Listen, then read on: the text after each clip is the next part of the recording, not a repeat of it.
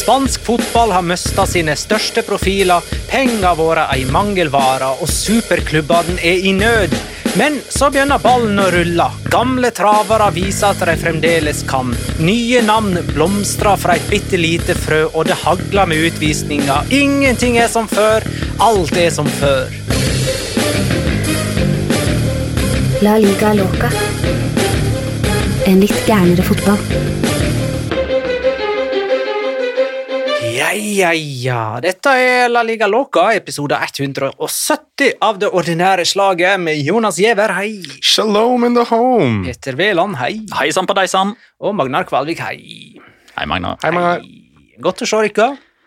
I like måte. Det er ikke så ofte vi får annet enn eh, digitalt, men eh, nå eh, fysisk.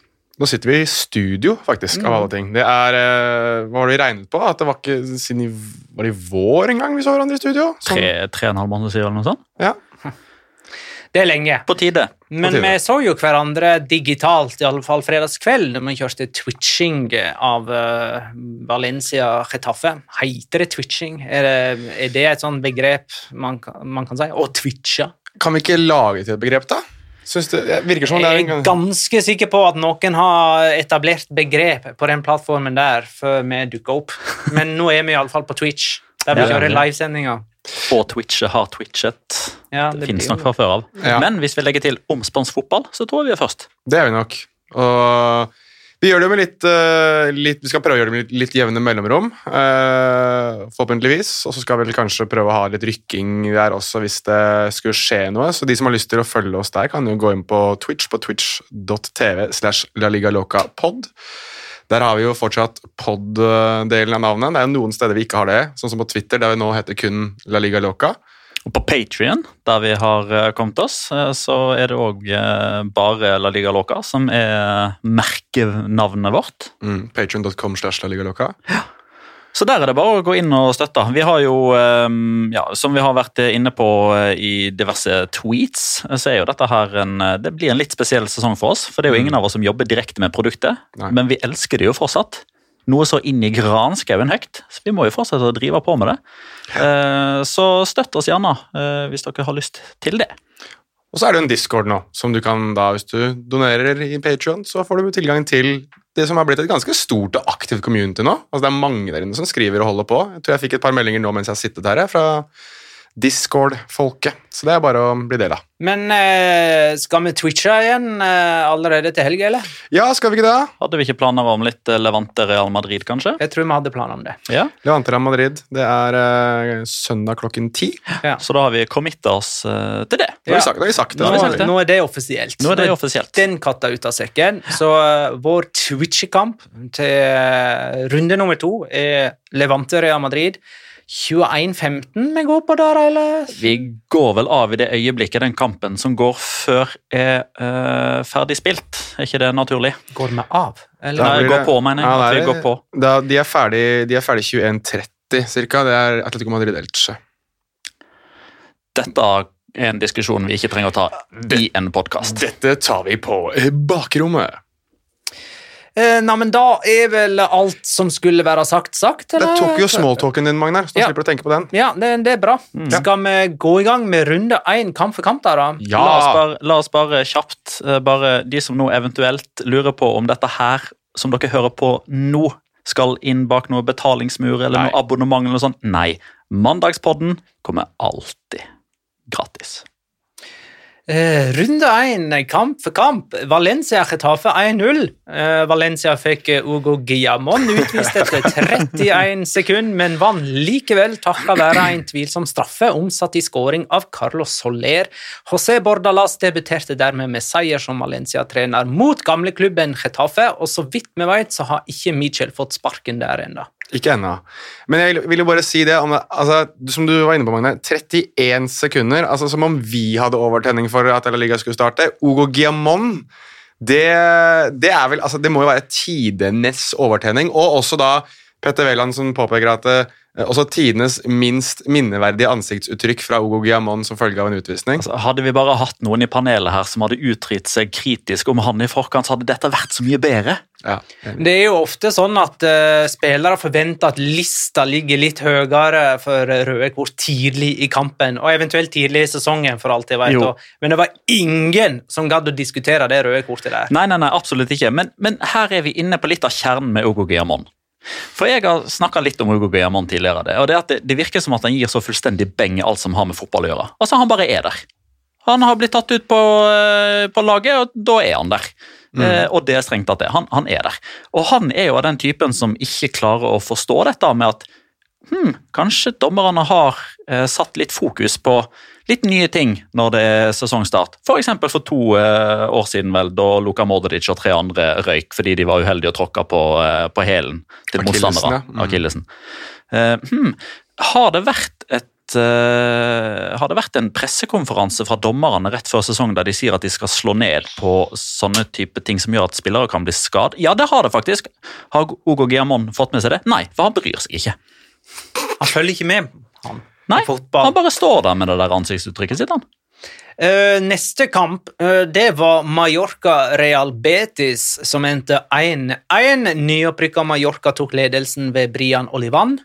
Før deres 36 år gamle keeper Manolo Reina skåra sjølmål, slik at Eurobetis fikk med seg et poeng herfra. Pellegrini du vet, Real Betis-treneren Pellegrini er 67 år. Og om han holder ut i 20 dager nå som Real Betis-trener, blir han tidenes nest eldste trener i Primera Divisjon. Han må holde ut i fire år til om han skal bli den aller eldste. Det blir ikke Betis, for å si det sånn.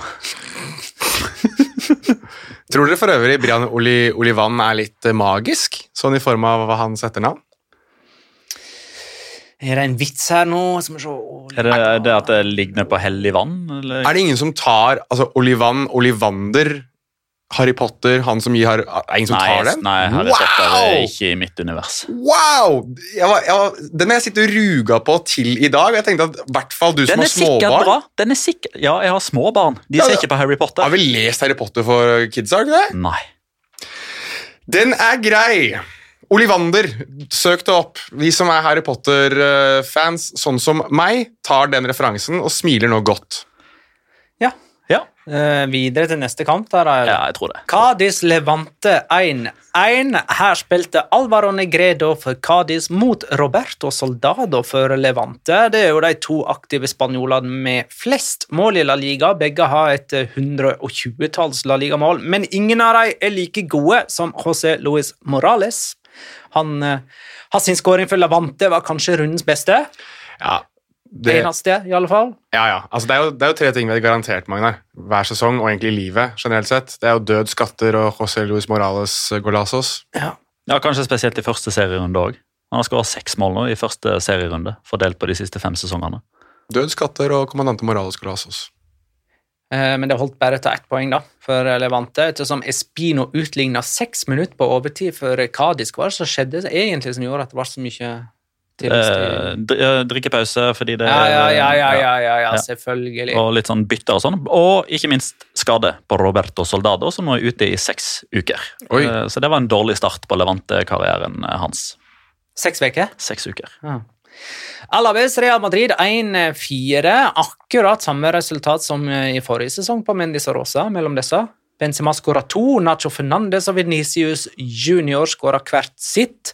Eh, her starta Angelotti med fronttrioen Bale, Assad og Benzema, mens David Alaba spilte venstreback og debuterte med målgivende. Vi skal snakke um, litt mer om Real Madrid senere. Hoppa videre til kampen som gikk samtidig og stjal alle overskrifter og alt publikummet. Osasona Español 0-0. Rundens eneste målløse kamp, i alle fall inntil de to oppgjørene som blir spilt mandag kveld etter at vi er ferdige i studio. Altså, eh, kan Jeg bare få, jeg skal ikke nevne toppfarten hans, for han har gått sin eh, gang på Twitter, dette her med Diego Lopez, men Discord. Ja, der også, og på Twitter, for så vidt. Begge steder. Eh, men at Diego Lopez fortsatt står i mål og fortsatt er aktiv fotballspiller, det visste ikke jeg, skal jeg være helt ærlig. Eller jeg hadde ikke fått det med meg.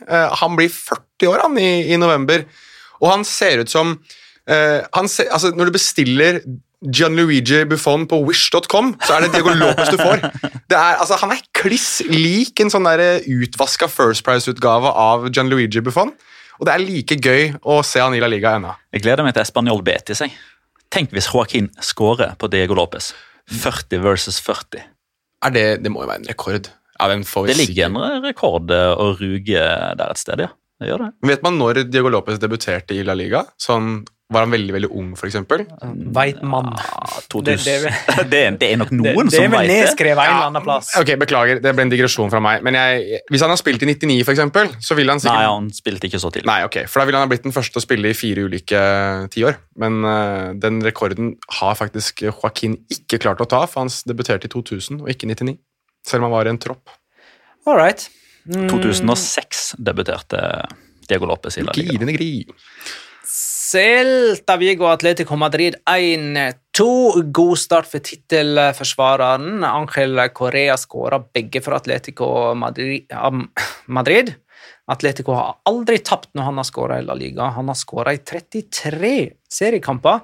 Innimellom de to målene skåra Iago Aspas på straffe for Celta Vigo. Han bomma jo òg på åpent mål ti minutter før full tid. På overtid fikk både Ugo Mayo og Mario Hermoso rødt kort. Men kan komme tilbake til den eh, kampen. Barcelona Real Sociedad 4-2. To mål og én målgivende av Martin Brethwaite, som dermed har skåra like mange mål denne sesongen som den forrige. Eh, Sevilla Rayo 3-0. Tøff start for nyopprykka Rayo, som fikk keeper Lucas Zidane utvist etter et eh, kvarter. Josef Enesiri skåra på straffe, og assisterte i tillegg Erik Lamela, som skåra i debuten etter å ha kommet inn i pausen. Det er litt strengt, eh, Petter, å ikke gi Lamela to mål i debuten. Skal vi gi han en scoring, da? Den Nei, men- hadde gått utenfor. Hadde Så det ikke du det så tydelig? Ja, ja, ja. På den repri... ja, ja. To, to repriser, så er det null tvil. Det ser ut som han har fått den fra Liga. Jo, jo, men det bryr ikke jeg meg om. Nei. Til, til og med ligaen driter Petter i når det kommer til sånne Jo, ting. det det. Jo, jo, men sånn altså, har det vært i alle år. Pepe, Cristiano Ronaldo, eh, Luis Suárez eh, som Vinicius scora for ja, Real Madrid nettopp. mot Valladolid da vi var satt der. vi og så. Ja. Vi er sannhetsvitner til dette sjofleriet som La Liga holder på med. Men den er det noe merkelig at La Liga har Nei, det var fra dommeren ga skåringen Ja. til Venicius, ja. Og, og det er sånn La Liga forholder seg, eller? Nei. Bare, nei. Nei. Så den skåringen der, den har La Og det- Liga og det gitt til Vinicius. Den hadde altså gått til kast. Ja, og, det, og det er det som er det store problemet her, at i motsetning til i Premier League så finnes det ikke noe sånn der dubious goals uh, panel, eller hva det heter for noe. Og der er det, det er liksom uh, Cuando quieras. Altså, bare gi det til hvem du vil, når du vil. Ja. Ingen bryr seg. Men hadde jeg, vært, meg. hadde jeg vært statistiker, så hadde jeg gitt Lamela det første målet der. eh, Den, eh, det, var, det var ikke klar nok utafor for meg. Men kanskje jeg ikke så han fra nok vinkler, da. Kan, kan vi bare nevne det at jeg synes det er hyggelig at Lucas Zidane kom med en liten hyllest til far sin din, i det at han også bare tok seg første og beste anledning til å kaste seg selv ut av La Liga, når han da ikke klarte å stoppe Osama Idrisi på lovlig vis. Lucas Zidane spilte han en kamp for Real Madrid Ja. i sin tid, så det var ikke La Liga-debuten, altså, var- men i, i Ferreio var det det. Nei, og han var Altså, han var så dårlig for Real Madrid. Jeg husker at han hadde et par eh, Altså, det var et par skudd som jeg mener jeg husker at gikk inn, som han egentlig nesten ikke virker som han prøvde å redde engang. Så jeg skjønner ikke hvorfor Altså, Dmitrijevskij er jo en kjempegod keeper, og har jo sto nå et EM for Nord-Makedonia, så jeg skjønner ikke hvorfor de Hva er tankegangen her, liksom? Nei. Nei, anyways. Uh, Sevilla har signert svenske Augustinsson, Ja. og så kommer Delaney fra Danmark i tillegg. Sannsynligvis. Ja, ja. Kan noen tipse Alexander Sørloth om at det er fri flyt av skandinaver til Ramón Sánchez Pirjuan, og at Luke de Jong er på vei bort? Sander Berge også, for så vidt på den midtbanen, så kan Thomas Delaney bare bli værende i Dortmund. For øvrig, han eh, kommer det en, en eh, Locora om. Så Så er det første gangen jeg kjører en Locora om en spiller som ikke ennå er i La Liga. Men det er verdt, å ta med. Eh, Benjamin Haji skriver hvor mange mål skåra Josef Enesiri i år, og hvor hen vil de rangere han blant tidenes afrikanske spisser i La Liga? Oi! Den, eh, den eh, Ja, der er vel Kanoté fortsatt eh, klink nummer uno, er ikke han det? Samuel 2, eller? Samuel 2, tror jeg er kanskje er nummer uno. Ja, Samuel 2 er nok nummer én, og så Ja, Kanoté nummer to. ja. Eh, og så er han jo, altså sånn Rent statistisk så er han jo ennå ikke den beste marokkaneren, Ben Barek. Men han har jo aldri sett spill, da, så jeg kan liksom ikke si ah, han var kjempegod. Men Nei, El Arabi òg, da, som var veldig god, husker jeg. Han spilte jo der er Syri forbi, tror jeg. Ja, men er han, ja, kanskje han er foran også på antall mål. Men jeg husker Ja. El Arabi spilte for mye dårligere lag òg, da. Granada, ok, greit, så han spiller Leganes, da. Men Ja. um, han er topp fem, skal vi begi oss ut på det? Og så kommer han sikkert til å bli værende som en sånn, hvis han fortsetter Hvis han scorer det jeg regner med at blir 15 mål, da, denne sesongen. 15. Iketukwu Uche gjorde det jo over ganske lang tid òg. Ja. Hadde kanskje ikke det samme toppnivået som en Syri, men Arona Konea. Han var enorm den ene sesongen. ja, den ene sesongen for Levante. Da han Ja. skåra 17, og så fikk han ikke lov til å spille mer, for det Nei. hadde blitt for dyrt for dem. Ja. Men eh, ok, et godt stykke bak Kondé, nei, eh, Kanoté, Ja. Ja. og Eto, ikke minst. Ja. ja. Men han skårer flere, enn 20 denne sesongen, hvis Altså, han blir værende hele sesongen. I, I La Liga? Mm. eh, Jonas sier 15, eh, Petter mer enn 20. Jeg sier 13. Flere enn 20? Mm. Eh, og så skriver vi dette Jeg vet at det stikker hodet fram, og at jeg har oddsen Ja, okay. mot meg her nå, Ok. men uh, Ok, Så du, du, du anerkjenner det at du, du er du, jeg drar i. Ja, ok. Ja, ja. Takk, For at takk for at du anerkjenner det, i hvert fall. Fordi jeg var sånn Hvor må jeg få sjekka hva du har spist for noe før du kom hit i dag? Men uh, Jeg har ikke spist noe før jeg kom i dag. Det er nei, kanskje det, som er problemet. Ja, det er forklaringa. Nei, jeg, men, uh, men sånn fra spøk til alvor, han, han begynner å snuse på Han er nok begynner å nærme seg i hvert fall den mest framtredende marokkaneren til å spille Liga. da. Han nærmer seg eh, noe litt der.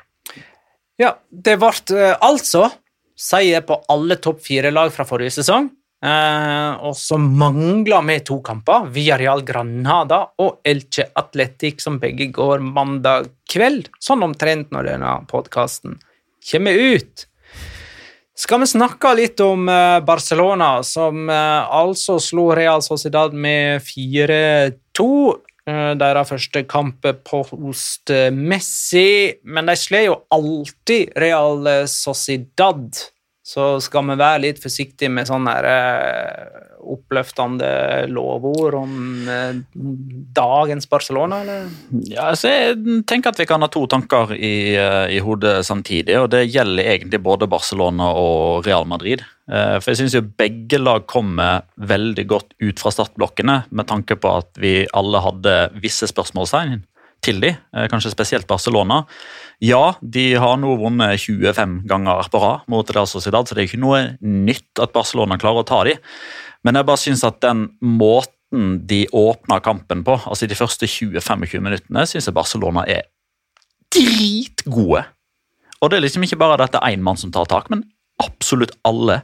Her så vi liksom et lag som eh, garantert har blitt enige i garderoben, eh, og, og alle har liksom bare bestemt seg at nå skal alle sammen trekke i samme retning. Nå skal alle ta i et tak her. Nå skal vi vise at denne klubben her er ikke død bare pga. at verdens beste fotballspiller gjennom alle tider ikke lenger er her. Eh, altså det, det er jo egentlig bare til å se det første halve minuttet igjen i opptak. Eh, der har du Barcelona sånn som de skal og bør spille. Eh, Geir Halvor Kleiva spør hvem imponerte mest av spillerne til Barcelona? Hvem følte vi sto fram? Jeg synes, Nå er jeg sikkert litt blasert også, for jeg hørte på, litt på det Spanish Football Podcast tidligere i dag. Men jeg syns det var noe kult over det at Memphis Depay egentlig bare bestemte seg for at han skulle være stjerne. Litt sånn Å ja, sånn som Sid Lowe sa. Altså, å ja, Messi har vært der, ja. Greit, det. Ok, men nå er jeg her, så da, da er det jeg som skal ha hovedrolle og regi og alt, absolutt alt annet som er. Og det syns jeg var skikkelig kult å se på. For Han virket ikke som han var noe særlig affisert av det at han spiller i et post, um, post-Messi Barcelona, så jeg velger han, jeg. Tror jeg. Det blir en sånn intern konkurranse nå i Barcelona om hvem som skal være klubbens nye frontfigur. Nå, er- nå er den eh, plassen ledig. Når alle disse bannere av eh, Messi blir revet ned fra kamp nå og eh, klubbshoppen, så skal det komme opp noen nye. og Da er, det- er muligheter for den som presterer i åpningen. Ja, jeg, men, jeg, jeg syn, men da synes jeg faktisk at Memphis var eh, kanskje den som stakk seg mest fram. Da. Ok, greit, Martin Brethwaite med to mål, det er fantastisk kult, det, liksom. Men jeg, jeg syns liksom det at den derre eh, artistrollen da, som man kanskje forbinder litt med Barcelona i form av Messi, Ronaldinho osv., det, det var det mer Den som var nærmest det, var kanskje Memphis Depay. da. Um, Men jeg syns også at uh, f.eks. Pedri hadde en kjempekamp, og den mannen der må snart få en pause. Altså, han, han spiller så mye. Man er jo gnistrende god hver gang òg, da. Så det er litt vanskelig å gi han en pause, kanskje. Han skal jo, han skal visstnok, da det, det, sies jo at han ikke skal bli tatt ut i den spanske landslagstroppen neste gang. Eh, og at det liksom er det, det er den prisen det spanske fotballforbundet må betale nå i etterkant for å ha brukt han i både EM og OL. Sånn at han skal få hvile i alle fall lite grann eh, Ja. i begynnelsen av september. Ja, det er bra. Markus Sjong spør jeg, beholder Brethwaite plassen når Aguero får eh, grønt lys? Ja, men det, er et Godt poeng og godt spørsmål, og det lurer jo eh, Julius Ferrer på òg. Eh, altså, eh, når Ansu Fati er tilbake igjen, og når Osman Dembélé er tilbake igjen Vi kan jo ta med de to òg. Altså, hvordan starter Barcelona i angrep da? Apropos det å komme godt i gang fra start. Jeg tror jo Martin Braithwaite har vært en av de kandidatene som Barcelona sitt sportslige utvalg, og kanskje også Ronald Koeman, har tenkt her kan vi kanskje tjene noe penger, mm. og så mister vi kanskje ikke så mye sportslig. Eh, og så kan man jo egentlig da bare sitere dansken sjøl. Noen eh, liker å snakke. Eh, jeg gjør min snakking på banen. Det finnes det sikkert et bedre engelsk uttrykk for det. Det gjør nok det. Men så hadde jo eh, Juan Laporta pressekonferanse eh, i dag, altså rett før vi gikk i studio. Ha, ja. Han malte vel egentlig fanden på veggen, sånn ut, basert på dagens situasjon, men eh, mente vel at eh, Eller anslo at om to år, cirka, et par år, så skulle Barcelona sin eh, økonomi være stødig igjen. 1,3 milliarder euro i gjeld. Ja. Altså, det er Det er 13 milliarder norske kroner, det. Altså, de gjelda deres er altså så enormt mye større enn noen annen gjeld. Da. Det er altså Nei, tenk å gå noe mer inn på det, men den unøda de er i, den er helt enorm. Ja, men han eh, la jo all skyld på dette på Bartomeo og tidligere styre, ikke uventa. Og så snakka han vel om at hvis man klarte å frigjøre 100 millioner euro nå, så kunne de bruke 25 millioner euro. Eh, og eh, nå siterer jeg han mer eller mindre. Det er spillere vi ønsker å beholde, og så er det andre vi ikke ønsker det. Vindauget stenger 31. august. Eh, Så ja, han eh, åpna jo for aktivitet først og fremst da, for å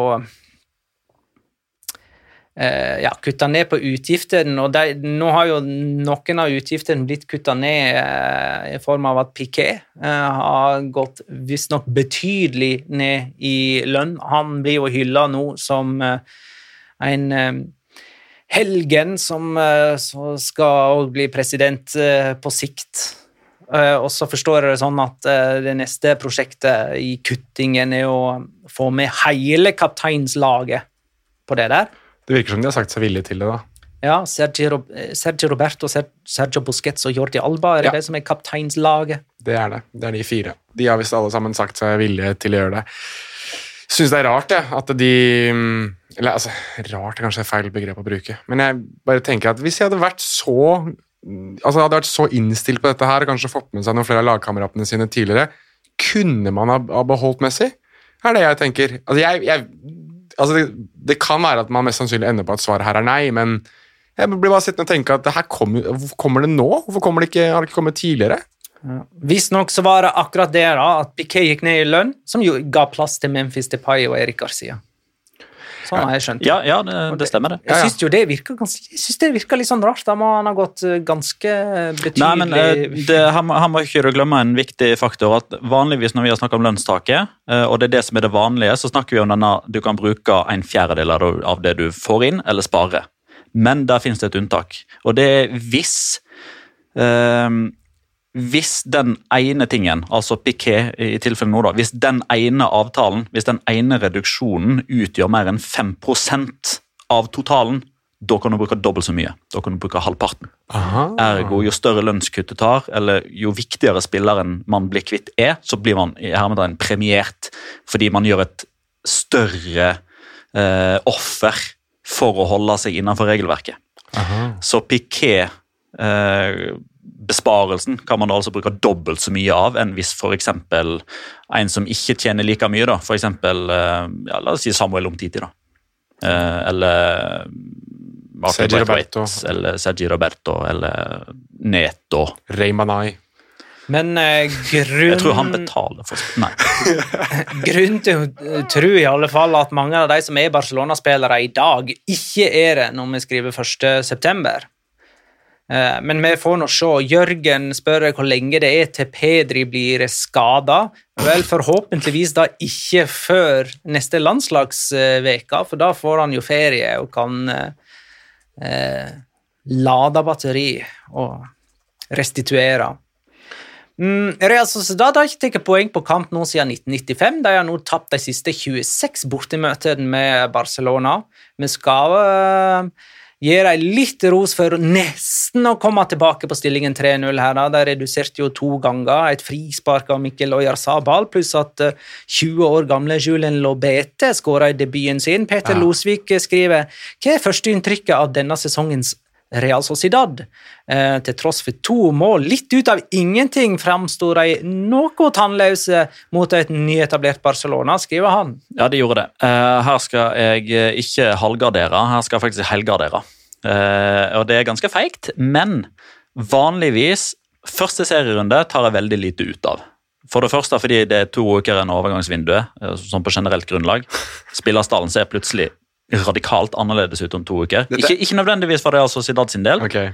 men eh, de kommer jo òg til et sted der de har tapt 25 på rad. Ja. At de taper den 26. Eh, ok, det får heller gå. Intet nytt å se her i gården.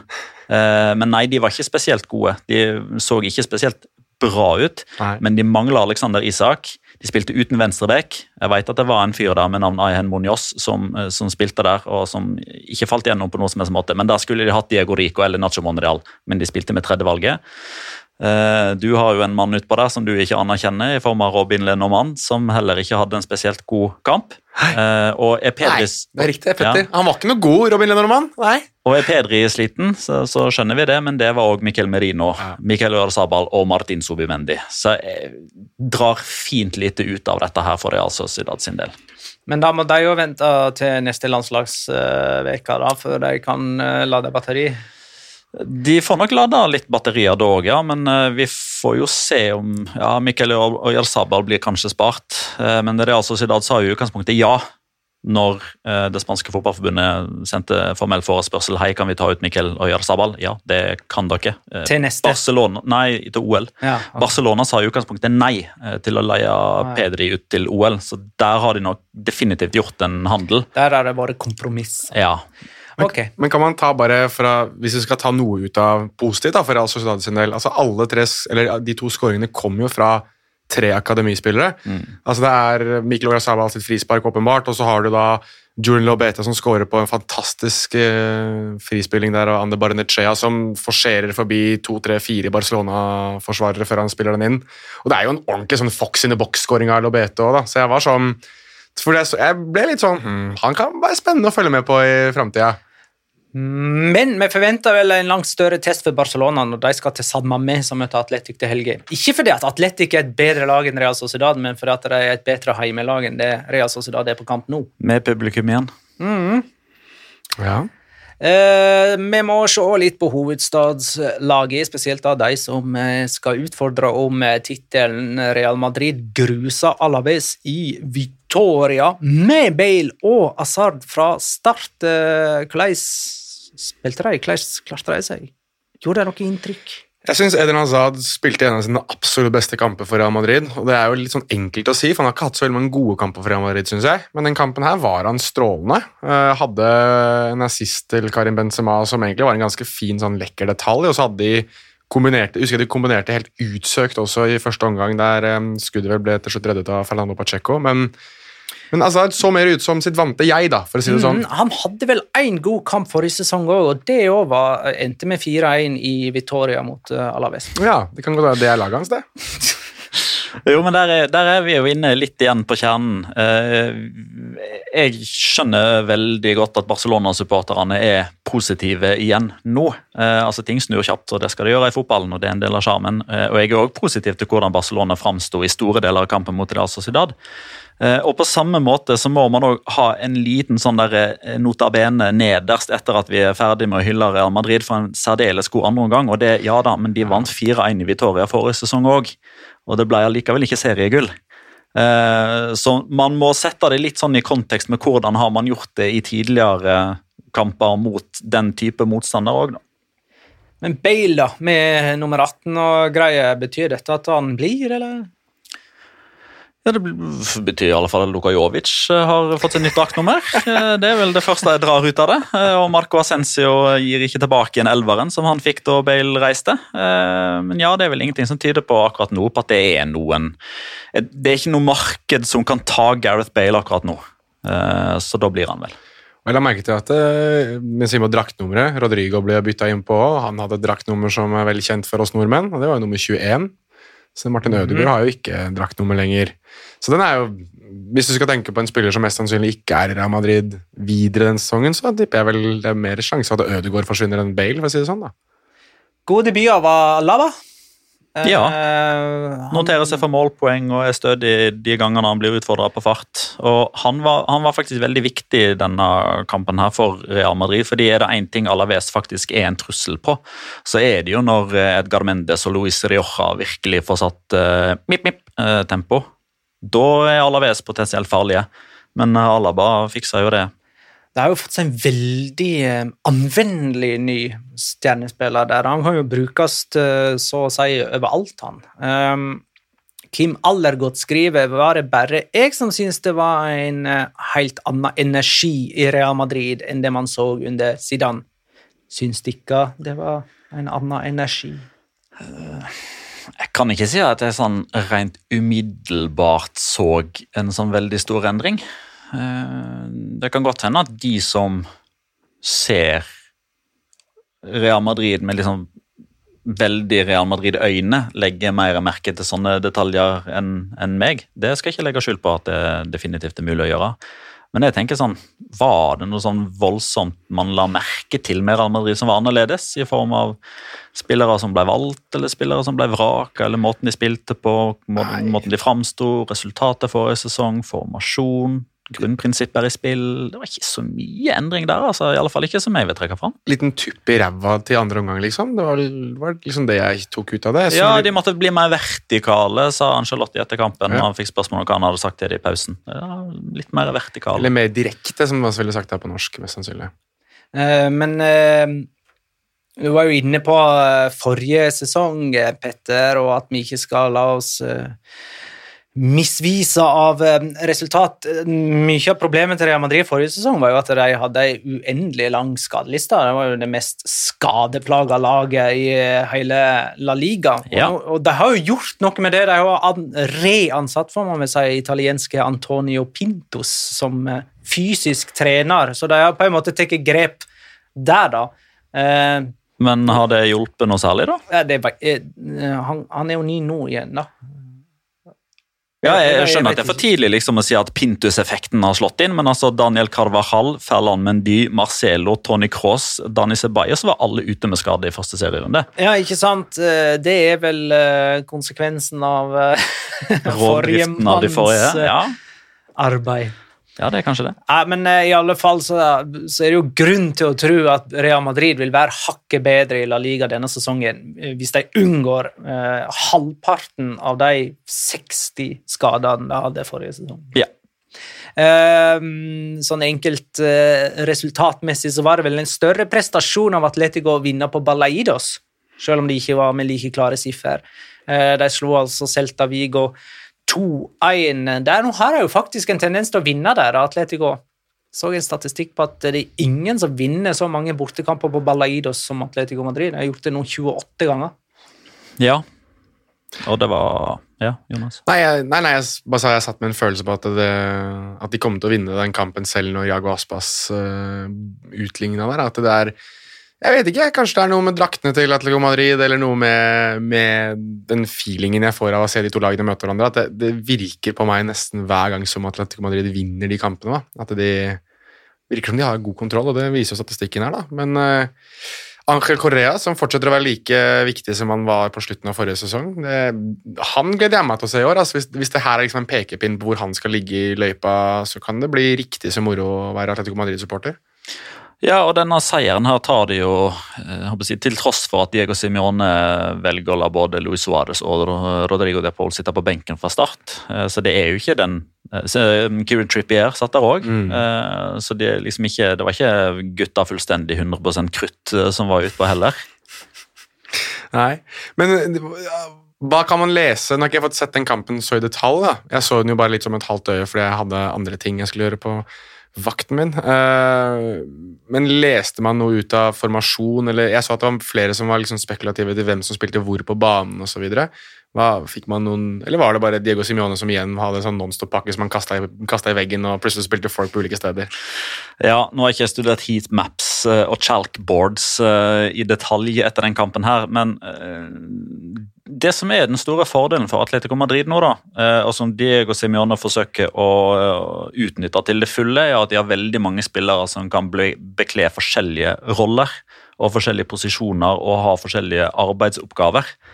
Eh, Mario Armoso kan spille både venstre stopper eh, i en tradisjonell fireback-linje, han kan spille venstre stopper i en treback-linje, han kan også spille venstre back i, eh, i en fireback-linje. Eh, Jannik Carrasco var i utgangspunktet satt opp som høyre wingback. Han var jo overalt hele tida. Saul Niges var satt opp som venstre wingback. Han var ganske ofte inne sentralt. Kondogbia var vel på mange måter den eneste som bare var ett sted hele tida, og det var der Iago Aspas var når han ikke hadde ball, og eh, som et pasningsalternativ når Atletico Madrid hadde ballen, og skulle stoppe kontringer eh, hvis eh, Celta Vigo hadde muligheten til det. Eh, Angel Correa er en bevegelig type. Marcos Llorente kan løpe overalt hele tida. Så det, er jo, det må jo være ufattelig vanskelig for motstanderlagets trener å eh, analysere seg fram til hva er planen til Atletico Madrid idet kampen begynner. Eh, Og klarer man etter hvert å knekke den koden, så kan Simione bare knipse to ganger, og så bare står de på en helt annen måte. Det er veldig, altså, Kan vi bare få tatt det veldig kjapt her? Det er helt sjukt å si om Atletico Madrid sånn Ja. som vi kjente de fra før. For der var det 4-4-2, strømlinje, kompakt, forsvarer seg dypt, kontrer, skårer, 1-0, kamp over. 4-4-2 er sponset av Diego Simione. Der, nettopp. Ja. Og nå er det som du sier, nå spiller de Hvilken formasjon er det de Nei, spiller? har, Hvem de har ti hvor? utespillere, og så har de en keeper. Ja. Og han er fortsatt veldig god, men han hadde en brøler i den kampen her, altså, Ja, som det. nesten eh, ble poengmissavgjørende. Hva som skjedde på slutten der, egentlig, når Hermoso og Ogomayo fikk rødt kort? Altså, jeg, men- eh, Nå spiller jeg den av i Movistar-playeren her for å se situasjonen på nytt. Eh, og forsøke å ta folk igjennom det. For det er, det, det er så mye som skjer her. Det er så vanvittig mye som skjer. De som ønsker at Petter Velland skal kommentere La Liga, får en liten smakebit på det nå.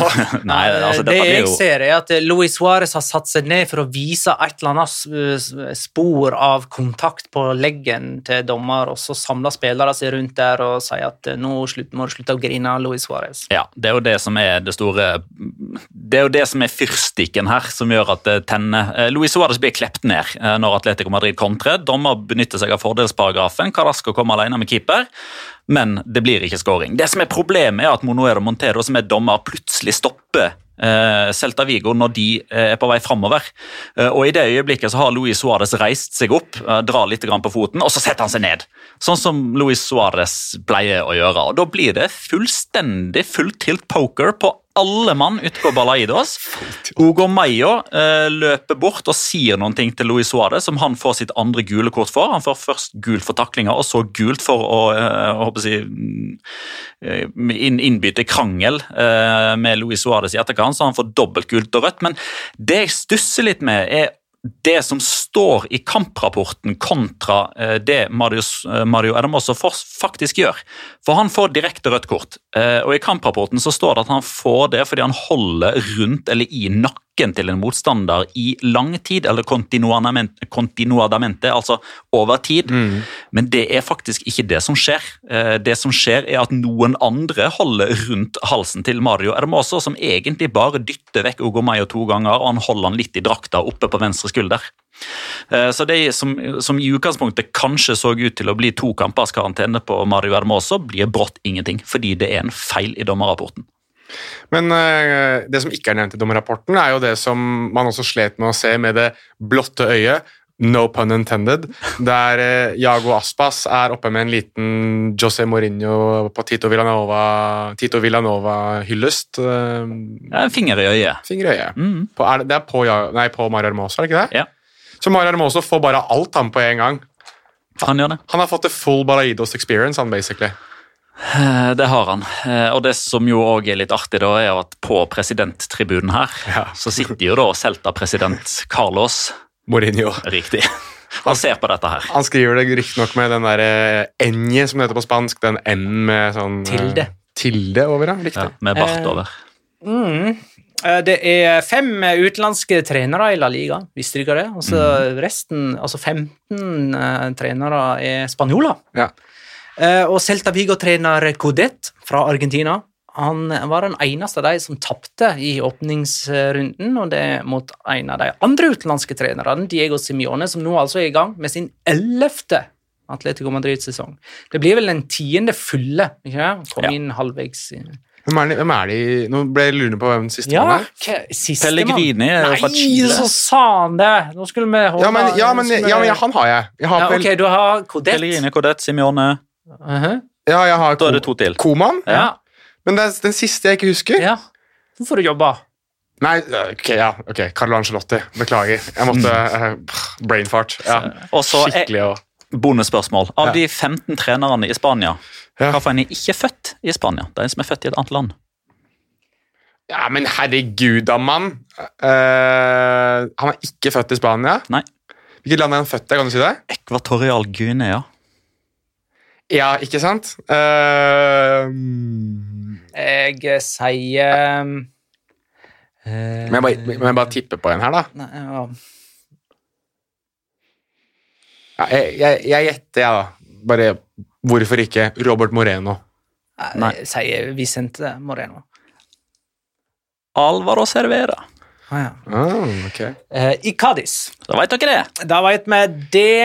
Ehm, jeg eh, tok tak i en uh, tweet fra Phil Kitromelides her uh, om dagen. Kom over en tweet fra han. Eh, for de som ikke vet hvem det er, så er jo han en av to eller tre i The Spanish Football Podcast. Og han har jo begynt å jobbe for La Liga TV nå, Ja. etter å ha jobba i Real Madrid TV i veldig mange år. Ja, så Ja. Han har jo kommentert en del eh, spansk fotball, spesielt Real Madrid. da, så han jobba i Real Madrid-TV. Eh, han skrev, jeg tror det var 9. august eh, Sjøl nå Jeg prøver å ta dette på norsk. Ja. Han skrev det på engelsk. Eh, Sjøl nå med spansk fotball på eh, sitt svakeste punkt på mange år, så klarer et La Liga-lag å nå semifinale i Champions League. Et annet La Liga-lag vinner Europaligaen. Spania kommer til semifinale i EM og vinner sølv i Tokyo-OL. Denne ligaen vil alltid, alltid produsere kvalitet, eh, skriver han. Og det jeg lurer litt på nå, er om eh, spansk fotball og da ikke bare laget bak Real Madrid og Barcelona, men alle sammen nå igjen er på det stadiet at man må bruke kløkt, for man har ikke penger. Og har ikke det vært suksess i Spania før? Jeg husker, Magnar, eh, da vi var kolleger i Kanal Pluss, mm. og vi hadde studiosendinger. Eh, jeg husker ikke hvem som var gjest da, men da òg hadde vi altså Temaet for sendinga da var liksom spansk talentutvikling. Dette var helt i begynnelsen av den gylne perioden. Jeg lurer på, Kan dette ha vært i 2010 eller 2011? Ish. Der var vi enige. Du skylder meg en kald cola og en smurf. Um, og da var en av årsakene til at de spanske lagene gjorde det så bra, nettopp det du spurte om nå. Uh, og da konkluderte man eh, at på bakgrunn av hva de aldersbestemte landslagene har gjort. Eh, og da var jo saken det at eh, Og for å sitere den tidligere Sevilla-presidenten José Maria del Nido, som vi jo intervjua i Kanal Pluss, denne ligaen er en dritt hva angår det økonomiske. Fordi da var det individuelle TV-avtaler og ikke kollektive. Ja. Så da måtte alle andre klubber enn Real Madrid og Barcelona på det tidspunktet kompensere. De måtte snu på hver krone. De kunne ikke bruke penger de ikke hadde. De måtte finne ut hvordan kan vi maksimere vår eh, jeg, bruk av penger. Det er rett og slett med å, eh, i motsetning til f.eks. klubber i andre ligaer, altså, bommer de på kjøp av 25 millioner euro, ok, greit. Da står de opp neste dag og så gjør de akkurat det samme. da. Det får ikke noen konsekvenser. Da kjøper de en annen en. Mm. Og det er jo det positive Ja. ved dette. Ja. Og som uh, Phil Kitchomelidis tvitrer, det kommer alltid nye. Så er, det, eh, så er det jo på mange måter hogd i stein. Uh, og det er jo ikke pga. at det er La Liga det er snakk om, eller fordi det er Premier League det er snakk om, eller for, det er rett og slett fordi vi snakker om Lionel Messi. Han går det rett og slett ikke an å erstatte, fordi han er så vanvittig unik. Men at det alltid kommer nye som tar den posisjonen som nummer én, to, tre, fire i La Liga, er ikke et sekund i tvil om at det kommer til å skje, og kanskje kan det skje allerede i løpet av to uker. Ja. Kylian. Ja, ok, men, men hvis vi skal nå holde oss på kløkt og ikke penger Jo da, jeg har bare lovt meg sjøl at jeg skal nevne navnet til Kylian Mbappé i løpet av denne episoden, så da har jeg gjort det. Ja, ok. Én ting er jo eh, spillerutvikling og talent. Eh, men taktisk innovasjon har også faktisk vært ei greie i Spania. Og det er jeg litt spent på nå denne sesongen. Om det er noen som klarer liksom å finne på noe nytt. eh, Og bruke liksom den kompetansen òg. For man har vært tradisjonelt ganske frampå i Spania Mm. eh, på, det på den taktiske utviklingen. Eh, og forrige sesong, da var vi inne på det i flere episoder her. Eh, både Barcelona, Real Madrid og Atletico Madrid var innom mange ulike formasjoner, og vi, så, mangla en sånn det vi kalte taktisk identitet. Man klarte ikke å se egentlig hvordan eh, de ulike lagene spilte fra helg til helg, fordi at det var så forskjellig. Jeg tror vi at vi kan se noe evolusjon der òg? Det er et veldig godt spørsmål. Det er jo ikke så mange endringer på trenersida inn mot denne sesongen. her, men Det er, jo, altså, det er jo noen som i hvert fall har muligheten til å kanskje videreutvikle det de startet på i fjor. Da. Og da ser jeg spesielt til Chacho Codet i, i Celta Vigo, som spiller med en formasjon og en måte, måte som er egentlig ganske unik. Det er en 4-1-3-2-formasjon. Det, er, eh, det er rett og slett sånn de spiller. Det er Renato Tapia. Altså, men bare for å presisere, Ja. da. Du skulle sikkert forklare det, men 4-1-3-2 i seg sjøl er jo ikke unikt. Nei, det er det det er jo måten man løser det, på. Det er det, og jeg syns Altså de, og de har spilt den på ganske mange ulike måter òg. Enten de har kjørt eh, bekkene sine høyt, eller om Tapia har falt ned og blitt en treer, og de har spilt med en treer bak. Altså De har spilt den på så ekstremt mange måter. Jago Aspa som har en helt fri rolle, det er Santi Mina skal ligge og lure bak. altså De har gjort den på så mange ulike måter. Holdt jeg på å si Dennis Suárez har vært med, men det kommer han ikke til å være resten av sesongen, mest sannsynlig. I hvert fall ikke hvis Mourinho, president Mourinho får det som han vil. Han vil jo ha han ut av klubben. Eh, Det får være en digresjon til en annen gang. Men uansett ehm, Han er, er en type jeg ville titte veldig på. Julian Lopetegi i, i Sevilla synes jeg har fått altfor lite skryt, egentlig. Det at Ja, han spiller på én måte, men den måten er også utrolig offensiv. Um, jeg er også ekstremt spent på å se hvordan Barcelona utvikler seg nå med Ronald Koeman uten Lionel Messi. Han har snakket om at eh, vi er mer lag nå. altså Vi spiller mer som et lag. altså Vi er en enhet i mye større grad enn vi kanskje har vært før. Ja, det er én kamp. Ja, vi kan ikke ta så mye ut av det. Det kan godt være at de får grisehjuling i neste kamp, men, men det er spennende å se hvor utviklingen kommer nå. Jeg syns også det er spennende å se Real Madrid, hvordan, om Carlo Ancelotti faktisk for en gangs skyld klarer å få noe ut av disse superstjernene, da, sånn som han var eh, katalysatoren for sist gang han var i Real Madrid. Det er mer det jeg tenker på. eh, I form av potensielle utviklinger for denne sesongen. Men den siste, og kanskje mest, mest spennende av alle, i hvert fall i mine øyne, og det er jeg sikkert litt blasert, er, er José, Borda, eller José Bordalas i, i Valencia. Kan han prøve å utvikle noe av trenergjerningen sin? Første kampen tyder på nei, at han kommer til å være De kommer til å spille hardt, røft, fysisk osv. Men han har snakket så lenge om at han ønsker å spille fotball på en helt annen måte enn han gjorde i Getafe. Nå har han sjansen i Valencia. Men er det slik at eh, til og med de største klubbene nå i Spania må slå nedenfra i Europacup? Ja, de kommer til å ha oddsen mot seg. Det tror jeg. Ja. Og Ja, men, Men det er greit svar, det. ja, ja. Ja, kort og presist. De outsidere i, i Champions League, favoritter i Europaligaen. Conference League er det ikke med i. Ja, men, ja, Villarreal kommer jo til å havne i Europaligaen som nummer Ja, tre i og sin Champions League. kanskje Sevilla òg.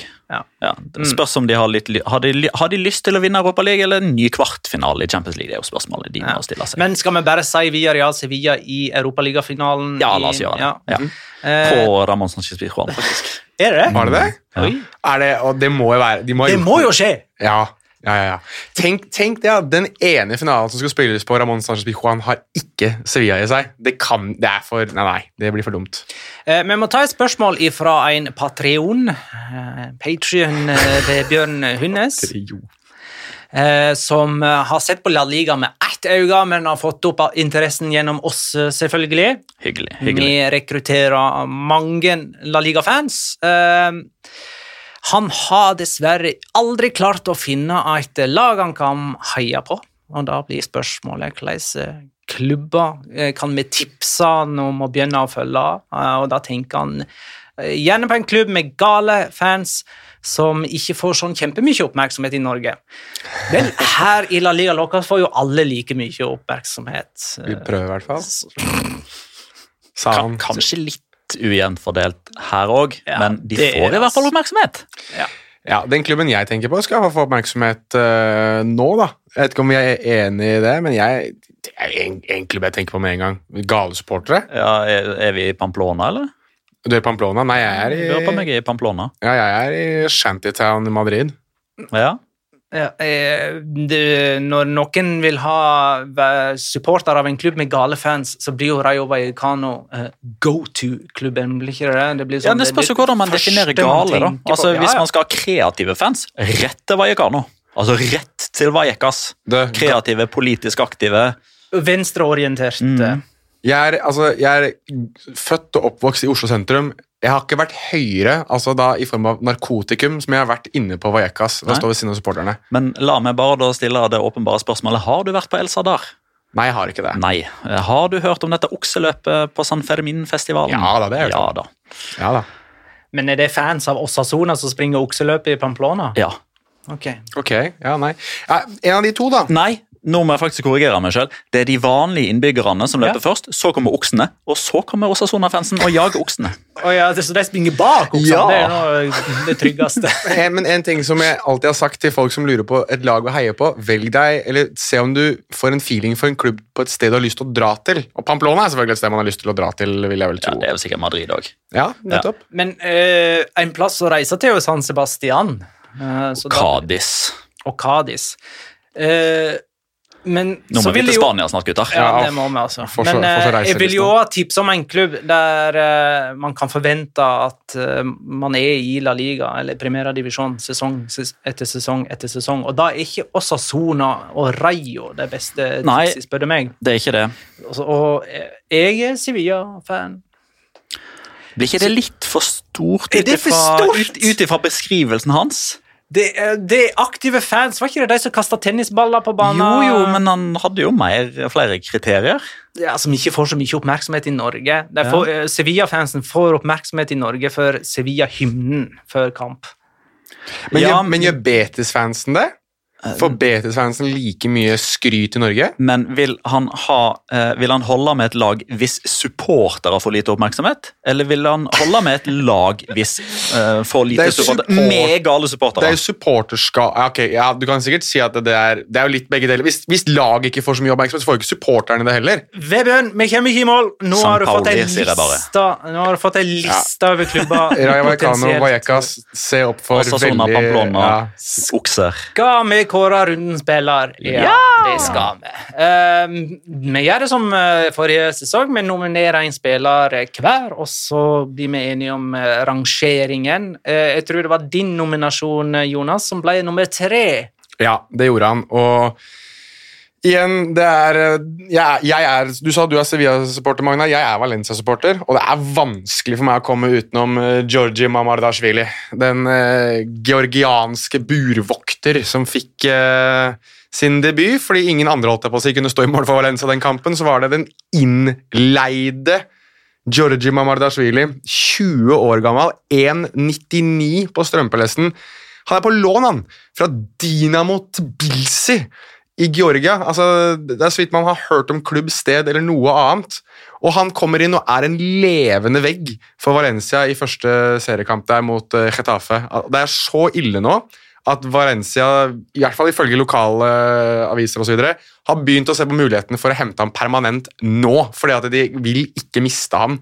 For han er altså så, et så enormt talent. Så Jeg er Mamardashvili-fan nummer én. Hvis noen har lyst til å være med på dette Mamardashvili-toget, så er det bare å si ifra. Det toget, det går nå! Er det nå jeg skal si at uh, dette er nok det eneste vi har sett av Mamma Dashvili i Valencia-drakta? Fordi han bare fikk spille fordi Sildesen og Dominek var skada? Nei, altså Mamardashvili Han altså, Nei, jeg håper så Det er en sånn nydelig historie, bare, da. For at han er fra Georgia, og han skulle spille på B-laget og var der egentlig bare for å liksom make up the numbers, liksom. Og så kommer han inn og er man of the match for Valencia basically i første serierunde mot Chetaffe fordi alle andre var skada. Det er sånne historier jeg kan bli forelska i. Så Mamardashvili får en veldig veldig hederlig tredjeplass. Nummer eh, to går til din nominasjon, Petter. Ja, det, og det er Angel Correa. Eh, Du nevnte det jo, Jonas, at det blir ufattelig spennende, føler han, hvis det er dette nivået her han skal legge seg på. Eh, Og jeg syns ikke bare at han var veldig god, eh, men jeg syns òg at eh, jeg historien hans er litt verdt å Ja. fortelle òg. Fordi vi snakka jo om det i april på den podkasten her, at oi, oi, oi, Angel Correa kan ikke sove godt etter den gigantbommen borte mot Betis. Eh, For da var vi jo inne i det sporet der Atletico Madrid kasta bort poeng etter poeng etter poeng. etter poeng. Og dette her kunne liksom koste de eh, trofeet, gullet. Eh, og Det er jo da Diego Simione er så flink med ord, eh, når han da står i postmatch-intervjuet etter der og sier at eh, dersom Angel Correa fortsetter sånn som han gjør, med hardt arbeid, så kommer målet. Fordi det er det, livet og fotballen dreier seg om. Det er hardt arbeid, og en dag så kommer han til å få lønn for strevet. Forhåpentligvis så får han det han fortjener. Og etter det så har han skåra 1, 2, 3, 4, 5, 6, 7, 8 mål i løpet av ti kamper. Det er like mange som han skåra på de foregående 70. Så Angel Correa Tjuk-tjuk! Jeg sitter på det toget, jeg. Ja, kan jeg, kan jeg bare ta, Mens jeg er inne på historien til Angel Korea, da, så er det jo verdt å ta Ja, med hjertet Ja, Dette er en mann som har hatt mye motgang i løpet av livet sitt. Altså, med den der hjertefeilen han hadde for, da han skulle signere for eh, Atletico Madrid. Ble det oppdaga på medisinsk test eh, før overgangen, eller var det et eller annet Jeg tror det var en fysisk sjekk ja, da han spilte i San Lorenzo som gjorde at eh, de fant ut at det var en feil, men at den kunne rettes. Mm. Men at han måtte ta en ganske lang pause, jeg tror det var seks-syv måneder. Og ja, Som var ganske dramatisk. Og så var han der og ble solgt til, Milan og på en måte gjenfant form og fikk plass i Atletico Madrid. Så nei, jeg syns det er en kul historie òg, jeg. Eh, men runden spiller, eh, det blir Martin Brethwaite, som skåra to mål og hadde én målgivende mot Real Sociedad. En spiller jeg egentlig hadde gitt opp, og det så det nesten ut som Barcelona har òg. De har prøvd å bli kvitt han i sommer, eh, men han har insistert på å bli, og er tydeligvis sikker på at han har kvaliteter til å sette sitt preg på laget, og det gjorde han til gangs i første runde. Eh, Nå kan han jo fort eh, forsvinne før overgangsvinduet stenger. Det føles nesten som at han er på prøvespill hos sin egen arbeidsgiver, og så leverer han den kampen der. Så gratulerer og lykke til, Martin eh, Da er det tid for Locora! Ukens La Liga Locura. Locura. Locura. Locura. La Liga Locura. Petter skal få begynne. Oi! Tusen takk. Um, det kunne jo blitt en uh, locora på Balaidos uh, av mange årsaker. Uh, det kunne jo òg blitt en locora hvis Diego Simione satte inn på sin egen sønn, men det får bli seinere. Men vi skal holde oss i far-sønn-sporet. Eh, For 15. august 2021, altså i går, eventuelt for to dager siden hvis du hører denne i morgen, da ble eh, Lucas Zidane utvist eh, før pause. Det var hans første utvisning på seniornivå i spansk fotball for et Madrid-lag mot Sevilla, som hadde en spiller ved navn Oscar Rodriguez på banen. Og Så skrur vi tida tilbake til 11. februar 2004. Da er det Real Madrid som spiller på Ramón Sánchez eh, Pizjuan. Eh, Der er Zinedine Zidane på banen. Han ble utvist før pause. Det første røde kortet i spansk fotball. Og da var det en spiller ved navn Oscar Rodriguez som spilte for Sevilla. Som far, som sønn. Hei. Uh, jeg tar neste, jeg. Gjør det, du. Ehm, etter kampslutt eh, er ikke det uvanlig at spillere gir fra seg drakter til enten fans eller motstandere, men at det er motstanderens trener som stiller seg først i køen for å få ei spillerdrakt, det er heller sjelden. Eh, Visstnok skal Mallorca-trener Luis Garcia Plaza ha ønska seg drakter til legenden Joaquin etter kampen mellom Mallorca og Real Betis på lørdag. Eh, Det kan man godt forstå. Joaquin ble 40 år i sommer og har akkurat starta sin 19. La Liga-sesong. Han er et ikon, og hvem vil vel ikke ha drakta til et uh, ikon? Jeg vet ikke om Louis Garcia faktisk fikk drakta, men jeg bare, jeg bare går ut ifra det. For uh, Joaquin er den joviale typen. Hvis det var flere i kø, så sørger han sikkert for at det blir sendt noen signerte drakter til alle sammen. Han har med seg eget kolli han, til bortekampene med signerte drakter. Eh, Jonas, Ja, jeg eh, holdt på å si, jeg reklamerte vel litt for min Locora tidlig i episoden, og det, det omhandler jo Thomas Delaney, som eh, virker å være på vei til Sevilla, og det kan jo by litt på problemer da, for godeste Thomas Delaney, fordi eh, han er fargeblind, og har vært åpen om at han er fargeblind, og hvilke to farger er det han ikke klarer å se forskjellen på? rødt og grønt? Det er helt riktig, han klarer ikke å se forskjell på da rødt og grønt. Da kan at man være glad de ikke spiller med rød ball denne sesongen, som de gjorde hva var det forrige sesong eller sesongen før. det kan være riktig, det, jeg husker Det er jo det, det verste for fargeblinde. rød ball på, grønn, eh, på grønt gress. Han sier at det er to, at det er, altså, to nyanser av samme farge, og det lover jo godt hvis han skal snere for Sevilla, som da har bl.a. hvitt og rødt, og da Betis, som er kjent for å spille i grønt. Så her er det en type som da fort kan få litt grann utfordringer i uh, El Gran Derby når Sevilla møter Betis. Thomas Delaney, hva passer? uh, vi skal vel tippe uh, i år òg. Ja, gud, det er jo like gøy hvert år, det. Vi har jo gitt opp det der med å straffe taperen fordi for det at eh, taperen aldri utfører sin straff. Men det var ingen som har gitt noe straff nå?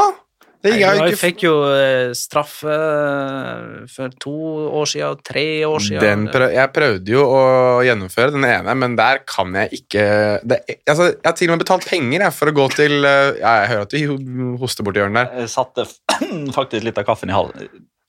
100% seriøst. Ja, ok. Gå til kiropraktor, gå til fysio, det som er for å prøve å rette på den der eh, Det er greit. Du skal få begynne, du. Jeg tror eh, vi tar kampen med sjøl Twitch Twitch-kampen. Twitch-kampen vår. Levante Real Madrid søndag klokka 22. Jeg kan jo ikke gå for det jeg skal gå for da. Jeg kan jo ikke, jeg kan jo ikke Kan gå si 0-0. Nei, jeg kan jo ikke det da. Hvorfor ikke? Jeg skriver 0-0. Ingen må skåre, da. Ah, ja, du får vel eh, Nei, faen i helvete, altså. Det går jo ikke det nå. Eh, Kom igjen, da! Ja, eh, 1-3. Mhm. Ja. Og Garantert. Um, Fort deg. Ja! Edra Eder Hazard. Hazard. 1-2, kommandante. Ok, ja, greit. Morales. Ja. EO 1-2. Sånn er det bare. Det var er jo ikke spennende, dette. Uh, Fort deg, fort deg, fort deg, fort deg! Bale. Vet du hva som er litt gøy? Okay. Nei. Mens vi har spilt inn en episode her nå, så har vi fått en ny Patreon. Oi, Tusen takk, Daniel. hyggelig. Det er noe du skal hyggelig. fortsette å reklamere, Jonas. Ja, Dette nei, var men- et oppspill. Hvis du vil eh, bli Patreon av La Liga Loca, så kan du gå inn på www.patreon.com slash La Liga Loca. Der har vi fire forskjellige tires, og du kan velge hvilke du ønsker å ligge på i støtte av denne podcasten nå og i fremtiden. Ok. Uh, tusen takk for at du lytta, kjære lytter. Ha det, da.